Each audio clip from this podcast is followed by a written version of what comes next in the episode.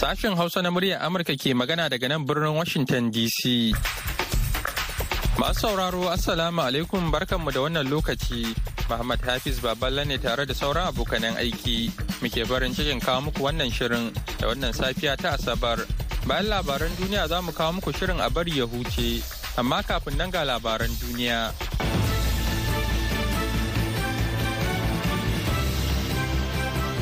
Assalamu alaikum jama'a ga cikakkun labaran duniya mai karantawa baba ya ko makeri. Ukraine ta ce wani harin makami mai linzami da rasha ta kai ya kashe fararen hula akalla goma a jiya juma'a yayin da ake ci gaba da gwamza kazamin fada a gabashin ƙasar wasu ishirin kuma sun jikata. Jama'an Ukraine sun ce akasarin waɗanda suka jikata daga harin makami mai linzamin ya faru ne a garuruwa da ke kusa da inda rasha ke ajiye makamai masu linzami a gabashi da kudancin ƙasar. Hare-haren na jiya ya biyo bayan wasu jirin hare-haren makami mai linzami ne da rasha ta kai da suka yi nisa har cikin yankin ukraine a shekaran jiya alhamis inda suka kashe mutane goma sha ɗaya. Shugaban ƙasar ukraine volodymyr zelensky ya faɗa a jawabinsa na dare a jiya juma'a cewa faɗan ya yi kamari a donetsk kuma sojojin rasha ba kawai suna ƙoƙarin cimma nasarorin soja ba ne suna kuma neman ruguza garuruwa da ƙauyuka. Hukumar da ke sa ido akan makami mai guba ta duniya ta faɗa a jiya juma'a cewa masu bincikenta sun gano dalilai masu ma'ana da za a iya yarda da su cewa sojojin saman siriya sun jefa tukunyar silinda guda biyu ɗauke da gubar iskar krolin a birnin doma a watan afrilun shekarar 2018 inda suka kashe mutane 43 wani rahoto da wata tawaga daga ƙungiyar haramta makamai masu guba ta fitar ya ba da tabbaci na baya-bayan nan cewa gwamnatin bashar assad ta yi amfani da makami mai guba a lokacin yaƙin basasar ƙasar. Amfani da makamai masu guba a doma da ma ko ina a duniya ba abu ne da za a amince da shi ba kuma keta dokokin kasa da kasa ne in ji darakta janar na ƙungiyar sa ido akan makamai masu guba ta opcw fernando arias. Jami'an siriya ba su amsa kai tsaye kan buƙatar jin ta bakin su akan sakamakon binciken ba. Labaran na zuwa muku ne daga nan sashen hausa na murya amurka a birnin washington dc jama'ai a najeriya sun ce adadin waɗanda suka mutu sakamakon harin da aka kai akan makiyaya ya kai arba'in. Harin ya faru ne a ranar laraba a ƙauyen rukubi da ke kan iyakar jihohin nasarawa da benue a najeriya yankin da ke fama da rikicin ƙabilanci da na addini. Gwamnan jihar nasarawa abdullahi sule ya karyata ikirarin cewa wani jirgin soji ne ya kai wa makiyayan harin bama-bamai. Ya kuma ce a ranar alhamis wani jirgi mara matuki da ba san ko nawa ne ne ba ya taso daga wani wuri da ba a sani ba. Ya ce ya tura jami'an tsaro yankin domin daƙile tashin hankali ko ɗaukar fansa. You know, uh, uh, of Na kasance a cikin wannan daren ina iya ƙoƙarin sasanta lamarin tare da shugaban hamsan tsaro da 'yan ƙungiyar miyyati Allah da dukkan jami'an tsaro ciki har da kwamishinan 'yan sandanmu don ganin mun ci gaba da kawar da tashe-tashen hankula da ka iya tasowa sakamakon harin. Wani mai sharhi akan harkokin tsaro na cibiyar Beacon da ke birnin Abuja, Kabiru Adamu ya ce hare-haren na iya kasancewa sakamakon bayyana bayanan kuskure ne. Nobody at that date, not the military military, not the governor, or government rather, and the Allah Cattle Breeders Association. Ya ce babu wanda ya zuwa yanzu ko soja ko gwamnan jihar ko kuma ƙungiyar Miyati Allah da ya iya fayyace kowane irin hari ne. ya ce 'yan jarida ne suka kirkiro da wannan dodo da ake kira fulani makiyaya 'yan jarida ne suka yi ta bayyana baton har ya kai ga tozarci da hada wannan bayanan akwai yiwuwar rasha za ta nemi taimako daga ƙasashe da dama don samun taimakon soji a yaƙin da take yi a ukraine. Sai dai fadar white house ta ce ba ta da shaida akan wasu rahotanni da aka buga masu ikirarin moscow ta buƙaci taimakon taliban a afghanistan. A wani taron manema labarai a jiya juma'a jami'in shirya dabarun sadarwa kan tsaron ƙasa john kirby ya faɗa murya amurka cewa ba zai iya tabbatar da waɗannan rahotannin ba.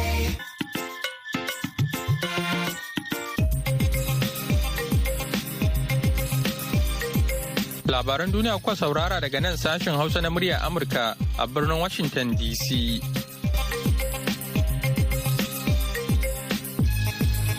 Yanzu kuma sai a gyara zama domin jin shirinmu na gaba.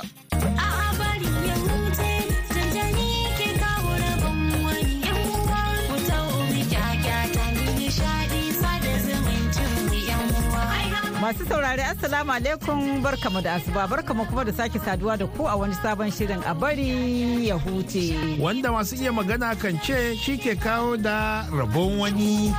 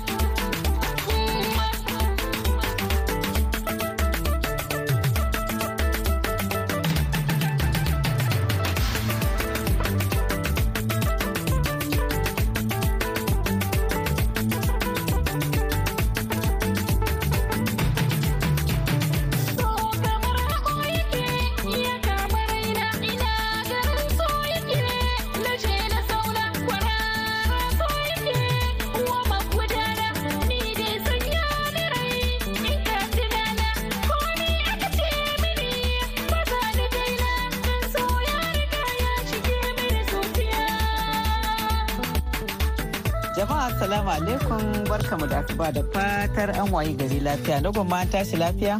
Lafiya kalau alheri ya wurin naku. Lafiya lau ya zafi zan ce ko ya canjin yanayi yau fari gobe tsumma. haka ni fa ya bar mutane da rigima. mutane suna bayanin cewa a wannan shekarar ne suke- wasu suke kara jaddada batun canjin yanayin nan a ce har an shiga watan ɗaya ba a yi dusar kankaran nan ba ko kaɗan a nan ya zama abun kuma har aka ce za a yi ma- amma duk da shi ba a yi ba ko. Eh haka. Za a sashe za a yi sai ta zo ta wuce. In an- in an yi da gaske ma dan ruwa. To masu waɗanda- suka saba ana bayanin cewa wannan baba wannan dusar kankarar da ake tana taimakawa wajen kashe kwayayen sauro kwayayen duk dai waɗansu abubuwan da wasu 'yan kwari-kwari da suka addabi hadda- mutane. hadda- hadda maciji Allah sarki. suna bayyana cewa duk shekarar da ba a yi wannan dusar kankara ba ta yi Eh. ƙarfi ba to za a yi fama da macizai to sai a shirya kenan baba Allah kiyaye. mu manoma masu jeji a bayan gida zai ku nemo kankara wani wuri ke don ku zuba. mai maganin su Eh, Allah kare mu yau baba kamar yadda ka ji da magaran muka nufa a jamhuriyar Nijar inda muka karɓi bakuncin wannan fitattun mawaƙiya 'yan jarida mai rubuta wasannin fina-finai ita zaraba. Haka. hmm. wato zuwa an jima za mu ji hirar da wakilin mu tamar abari ta yi mana da ita da kuma kaɗan daga cikin waƙoƙinta. Amma kafin nan kamar yadda muka saba bari mu buɗe wannan babi da sada zumunci. Za mu fara da miƙa gaisuwa fata alheri da barka za mu ce baba tun da an yi wannan auren jiya. Auren raki ne aka yi na iyalan marigayi alhaji ibrahim dan galadiman maradun. Wanda aka yi aure jiya din 'ya'yansu hassana Muhammad kabir da angonta injiniya mustapha ibrahim umar sai kuma husaina hassana da husaina ne suka yi aure biyu. kuma yawwa husaina Muhammad kabir ita kuma da angonta Laftanar Muhammad Mabub Allah ya sa Mabub ɗin nan ne a ha- haka sunan nan yake Eh, haka ne, Mahbub, wannan ya. auren eh yawa baba jiya ne aka daura wannan auren a. Kaduna to Allah ya sa an yi adace Allah ya ba da zaman lafiya da albarkar zaman tare Amin sama amin.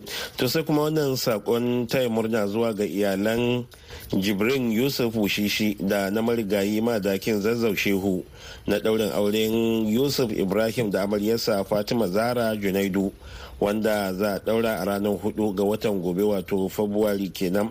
Yana da kwana huɗu za a yi wannan aure wato mako mai zuwa kenan idan allah kai mu. Za a daura wannan aure ne da misalin ƙarfe goma na safe a lamba na arba'in da biyar a unguwar amaru a gidan badakin zazzau shehu a garin zaria. To allah ba da zaman lafiya da kuma zara'a ɗaya ba. Amin sun aminto baba daga can kuma bari mu nufi jihar borno inda a nan kuma a yau ɗin nan ake ɗaura aure tsakanin iyalan dala ahmed shuwa da na alhaji ijibrin hassan jidda waɗanda ake auren 'ya'yansu aliko dala ahmed da kuma habiba a jide jibrin. Za a yi wannan auren ne kamar yadda na faɗa a yau ɗin nan. Katin gaskiya yadda aka yi shi bana ganin shi ma duk da madubi na. Iko Allah. Za a ɗaura auren ne dai yau ɗin nan a aka ce wai 777 housing estate maiduguri. To na faɗa haka ina jin mutanen maiduguri sun san za su gane haka. Yawwa to allah ya sa su ma wannan aure an yi dace. Allah ba da zaman lafiya da albarkar zaman tare. Amin sama amin. Sai kuma saƙon taya murna zuwa ga iyalan gidan alhaji alhassan barau da alhaji mai talma da na alhaji yakubu suleiman na ɗaurin aure 'ya'yansu alhassan din muhammad sani alhassan barau da amaryansa mawadda suleiman wanda za ɗaura a gobe lahadi kenan da misalin ƙarfe goma a masallacin fatima farida a unguwar sawaba. Wato a birnin kuma suke nan kada za a yi zama angwanci ne a ƙofar gidan alhaji barau a yalwa. Mahaifin ango alhaji muhammad sani barau gwamnan al'adu da gargajiya na ghana da iyalan gidan diko wato iyayen ango kenan sun ce allah ba da ikon isowa kuma allah ba da zara'a ɗayyaba allah ba da zaman lafiya. Amin sun amin.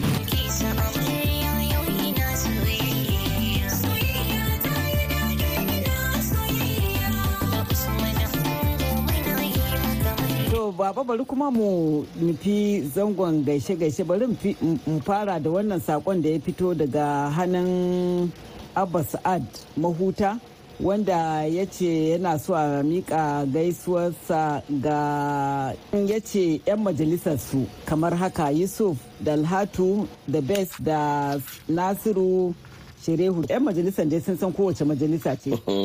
Da nasiru sherehu Charki sai Ibrahim Sani Wezi da Ibrahim Abdullahi Dash sai Sani Abdullahi kai sunayen nan baba. Inkiya inkiya ɗin nan dai sai a hankali. Sai a hankali sai 'yan majalisa. Sai 'yan majalisa sai Alasan Lawal da Basiru Dahiru sai Fa'ilu Ɗanladi Mahuta da Usman Malika mai ruwa road funtuwa da fatan an tashi lafiya. Gaisuwa a bari ya huce daga maimuna aliko auta kafinta yalwa tare da jamila da fatin ado salatu goma ga annabi rijau da aishan lawal bin hambali mk dan silva sokoto. Kaji mata su ma sun yi ƙungiyar haɗin kai. lalle ne kan burge ni. Yawwa. Su ma ba za a ba su a baya ba. Yawwa ko burge ni maimuna.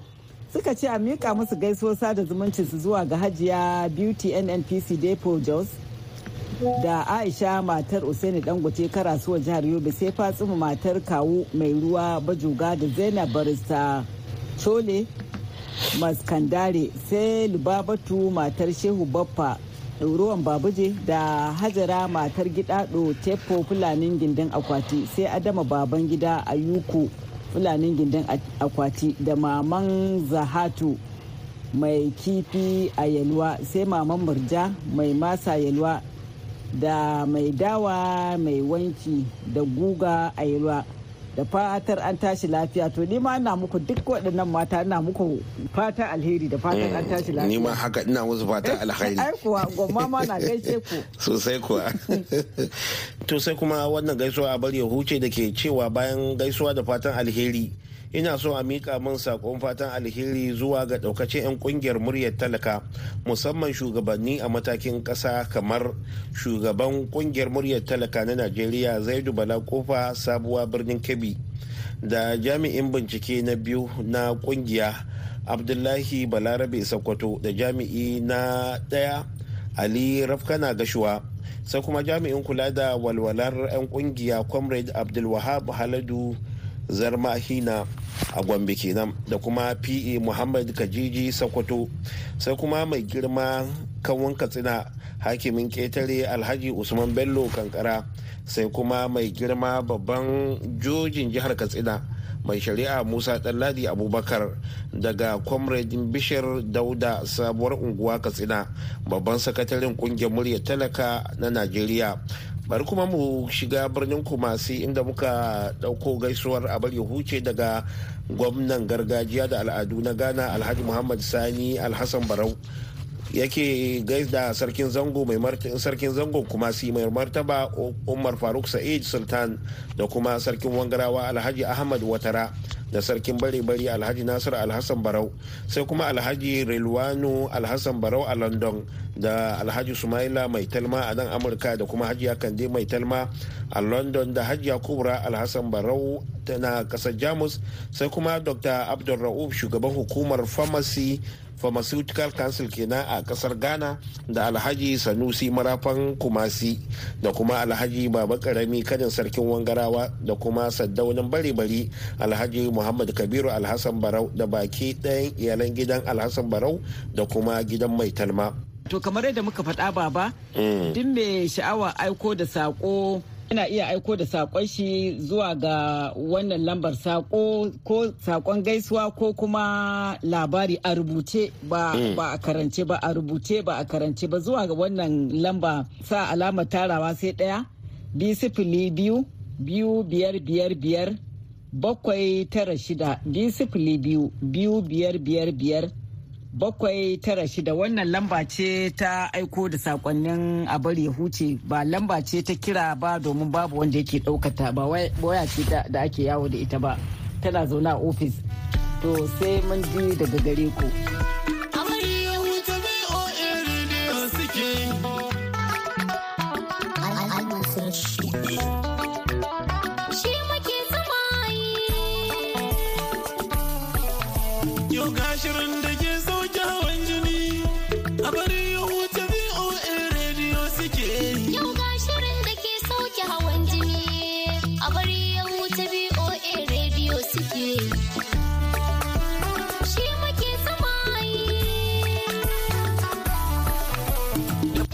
Baba kamar yadda muka faɗa yau mun yi babban kamu. haka Yau muna da magaran a jamhuriyar Nijar inda muka karɓi bakuncin uwar gida hajiya abokiyar aikinmu yar jarida mawaƙiya marubuciya mai kamfanin wasannin fina-finai da haka. Yawwa wato malama zara umar wadda wakilinmu tamar abari ta tattauna abari ta samu tattaunawa da ita. Sunana zara umar kuma ni ce president regional ta ampak. Ampak ƙungiya ce ta producteur. Producer ba. Na Nijar an ake na a nan garin da magaram kuma na yi école primaire a nan madrasa birnin sud inda na yi college a sai shi franco arab kuma bayan na yi aure tun ina budurwa nake sha'awa harka film da waƙa eh harka fina-finai. Tun ina budurwa nake sha'awa amma kuma ban samu damar yi ba sai daga baya. Na zo na shiga da fara na fara da wasa irin na kwaikwayo na daɓe da ake ce a ƙarƙashin turf nazari ta wanda ita ta rene ni ita ta koya min duk abubuwan yau in na ce zan yi tamaka ko zan bigi gaba. To gaskiya zan bigi gaba da turf nazari saboda ita ƙungiya ce ta wasanni. Kungiya ce ta wasannin kwaikwayo wanda kuma an santa tana aiki da turawa da dama. To a wannan ƙungiya ana aka horar da nan na koyi harka wasannin kwaikwayo kuma daga baya tahiya da tahiya. Na fara da wasan kwaikwayo kuma na zo na gama da waƙoƙi. Yana waƙoƙi irin na siyasa da kuma na sarakai. Fara waƙa ta ma da waƙoƙin sarakai na fara. Na ma sarakai namu na Nijar da kuma Najeriya. Da dama waƙa gaskiya daga baya sai na zo kuma na buɗe wani kamfani mai suna Niger Nigeria Film Production. Wannan kamfanin ya hada harka film ya hada harka waƙoƙi da mawaka da kuma horo daban-daban a cikin wannan kamfani. na yi aikin rediyo tun daga niamey tenere na zo ne tenere zandar na zo na yi rediyon jiha wajen shekara biyar na dan jima dai gaskiya ana taba aikin jarida yanzu kenan haraka fina-finan dai ne ya fi ƙarfi yanzu kam gaskiya haraka fina-finai ita ce ta fi ƙarfi a gurina. Saboda ni ba ni da wata sana'a ma wannan sana'a ita ce harkar fim da waƙoƙi da ita ce na dogara gaskiya. To ko kina iya gaya mana irin fina-finan da kika yi? Eh to gaskiya na yi fim guda biyu wanda ba nawa ba ne. Kuma a kamfani na da na buɗe na yi film seri yanci wanda yanzu haka muna nan muna shirye-shiryen sakin shi insha Allah. Shi wannan fim da kika yi na yanci kamar nan ku yan Nijar ne kuka ko kuma da haɗin gwiwa ne kuka da yan Najeriya? Eh da haɗin gwiwan artist actor na Nigeria mun kai shi. Akwai actor na Nigeria da muka kawo nan Niger muka so muka yi aikin nan da su. To shi yanci kamar bisa menene yake magana? Yanci yana magana bisa tem wajen guda biyar. Akwai tazarar sa tazarar aihuwa akwai kuma harka da harka tabara da ake huta da kuma ba ma iya mata dama su yi karatu. Don su cimma burinsu. Yawwa su nemi ilimi. eh ya taɓo tem da dama da dama. Harkar barace-barace da kuma hatta da nakasassu ba su dama su ma da za a dama da su cikin al'umma. Yana magana kenan kan yanci na iya mace ko kuwa? Eh yana magana akan yanci iya mace da kuma ba su dama don su cimma burinsu. Saboda su tari zaki ga iya mata suna da bururkansu wanda suna so su yi karatu su zama abu kaza sai kuma ki ga an dakushe wannan karatun nasu. An katse musu sun kasa samun dama an kasa ba su damar da za su cimma wannan burin nasu. Menene ya kaman tura ki shiga kamar haraka fina-finai? Haraka fim abu ne wanda kamar na gaya miki tun ina budurwa yanda nake ga ana isar da saƙonni iri daban-daban. To wannan abin yana burge ni. A kullum ta nake ina ni ma ina da damar da zan zo zan ba al'umma zan wayan ma da al'umma ta kai zan isar da sako wanda yau zan isar da sako ni in isar da sako al'umma ta saurara kuma ta gani. Abin nan har su kai in wani abu suke maras kyau har a kai al'umma ta daidaita wannan abin ina jin daɗin wannan abu gaskiya. To kin ce ke producer ce ko? To kamar a haraka aikin producer yaya kika ji wani irin ƙalubale kika haɗu da shi? Na ɗan sha ƙalubale za a ce kaɗan kalubalen kuma na rashin tallahi ne gaskiya. Na rashin tallahi ne tunda ɗaukan yauni ki duba wajen aktar wajen arba'in da wani abu aka yi aikin nan da su.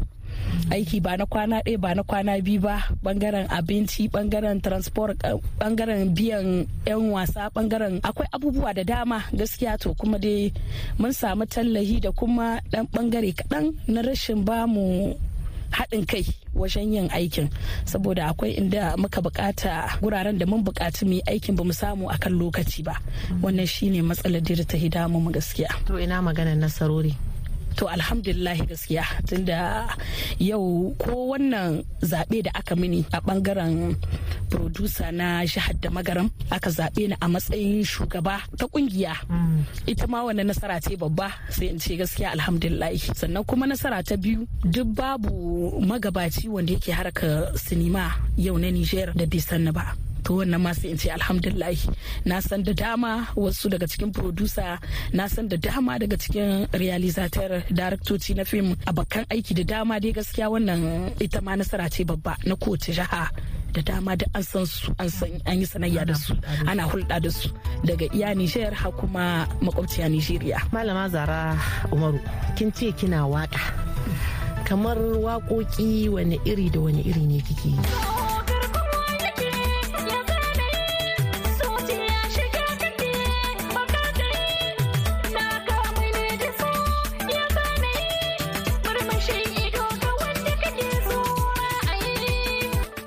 Baba ka ji abokiyar aiki. Ni dai gaskiya waƙoƙinta sun burge ni ƙwarai da gaske don tun lokacin da na samu waƙoƙin ban yi wasa da su ba.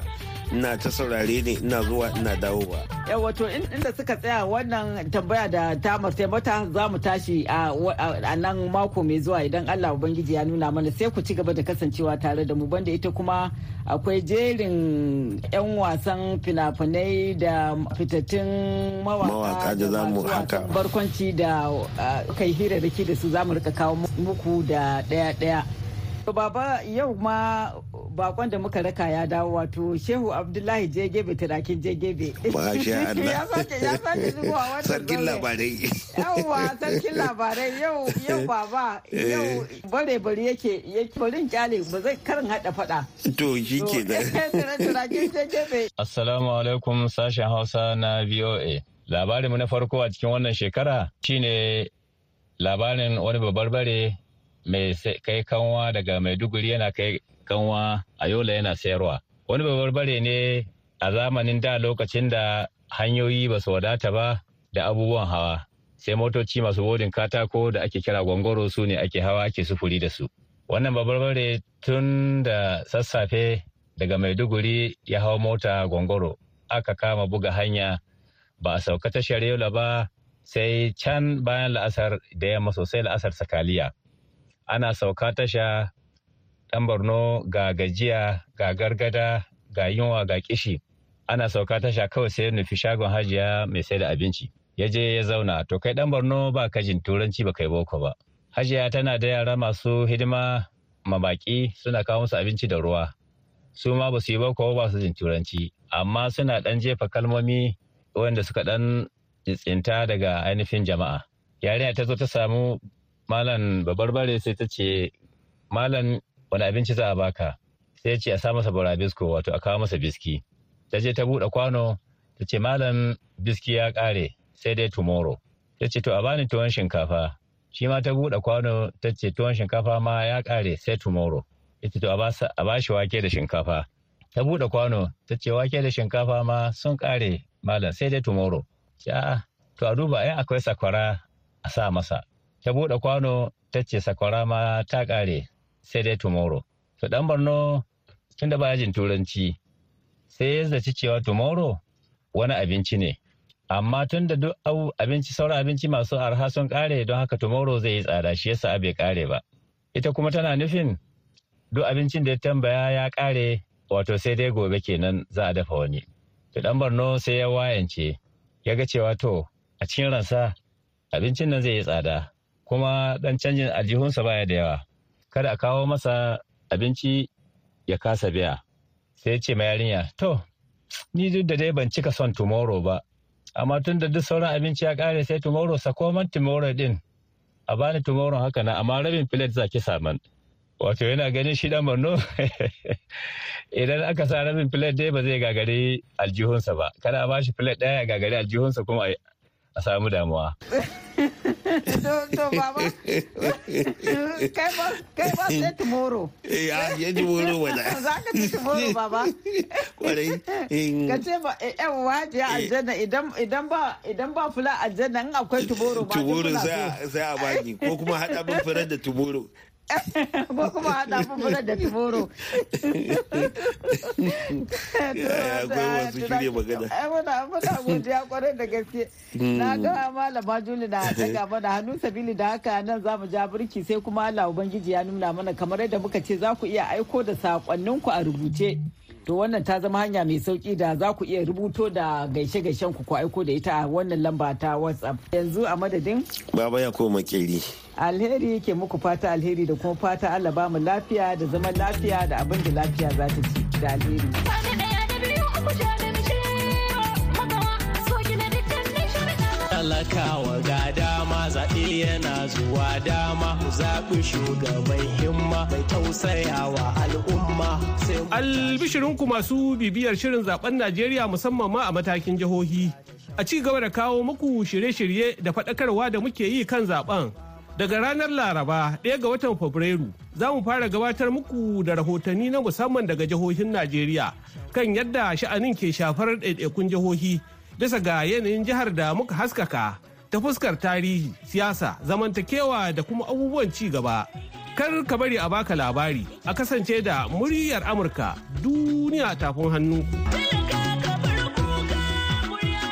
Wannan shirin na zuwa muku ne kai tsaye daga nan sashen Hausa na muryar Amurka a birnin Washington DC. Yanzu a madadin dukkan waɗanda suka ba da gudunmawa ga nasarar wannan shirin da suka hada da Julie Gresham da ta hada shirin da ba da umarni. Muhammad Hafiz Baballe ke sallama da ku a wuni lafiya.